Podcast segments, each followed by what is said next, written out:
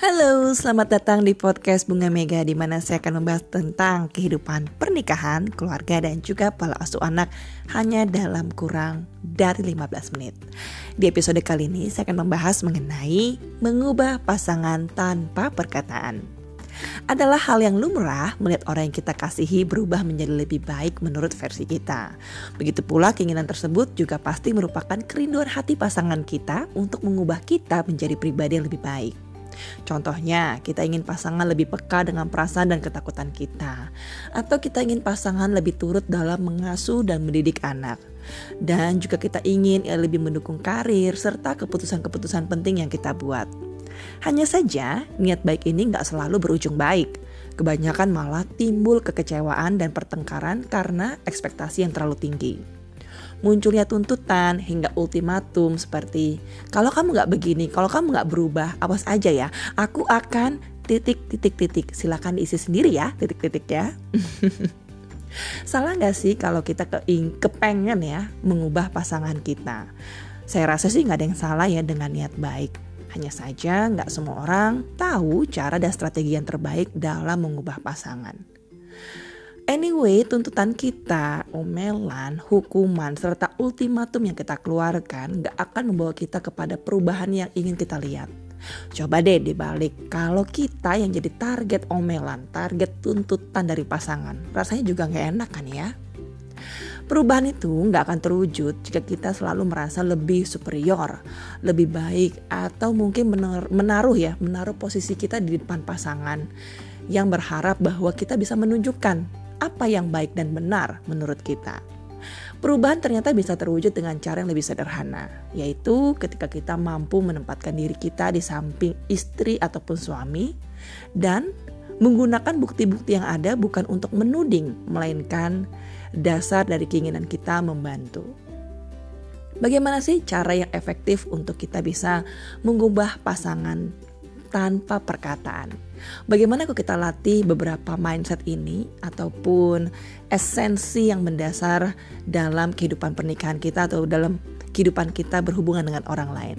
Yang pertama adalah kelebihan yang Anda punya digunakan untuk menutupi kekurangan pasangan, bukan untuk menyerang pasangan. Lalu yang kedua, selalu dalam posisi ingin membantu. Artinya, posisi kita bukan menghakimi, bukan berada di depan ataupun di atas pasangan. Data dan fakta yang ada pun bukan untuk menjadi barang bukti, melainkan sebuah isu penting yang seharusnya bisa diselesaikan bersama-sama dengan kepala dingin. Yang ketiga, Anda dan pasangan adalah satu tim. In marriage life, there is no his team or her team. Kegagalannya adalah kegagalan Anda juga. Keberhasilannya juga keberhasilan Anda juga.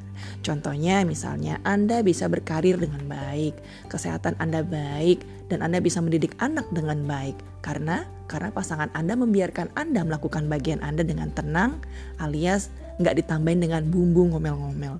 Itu saja sudah bentuk support system dan kesatuan dari visi. Yang keempat, ambil waktu untuk berbicara dan hanya saat keduanya dalam kondisi yang nyaman.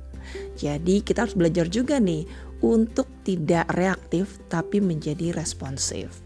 Misalnya kita bisa mengambil momen ketika baik kita maupun pasangan tidak dalam kondisi overload ataupun overwhelm baik karena kerjaan ataupun masalah-masalah lainnya. Dan gunakan teknik sandwich seperti sebelum memberikan positive feedback ataupun keinginan kita selipkan dengan pujian dan akhirnya juga dengan pujian. Contohnya nih ya, sayang aku makasih banget ya karena kamu udah kerja keras banget beberapa minggu ini. Aku tahu banget kamu lelah dan aku penasaran aja sih, apa kira-kira usaha kamu untuk nggak bawa pulang pekerjaanmu ke rumah? Karena kalau kamu bawa pulang ke rumah kan, istirahat kamu semakin sedikit. Dan kalau istirahat kamu semakin sedikit, kamu juga semakin berkurang nih waktunya bermain dengan anak-anak. I know we can do this together. If you need help, aku siap membantu kamu ya. Yang kelima, saling mendoakan. Well, it sounds cliche, but we all know that change doesn't come overnight, right? Berusaha membantu adalah bagian kita, tapi merubah seseorang adalah intervensi ilahi. So keep praying and supporting one to another. Marriage is like a piece of puzzle. Potongan-potongannya berbeda. Ketika bersatu, malah menjadi gambar yang indah. Nggak perlu menjadi sama untuk kita bisa merasa bahagia. Cukup menjadi satu dan tahu apa yang hendak dituju dalam pernikahan. Silakan follow saya di Instagram di @bunga_mega atau membaca tulisan-tulisan saya di website www.bungamega.com. Sampai bertemu lagi di episode saya selanjutnya. Have a great marriage.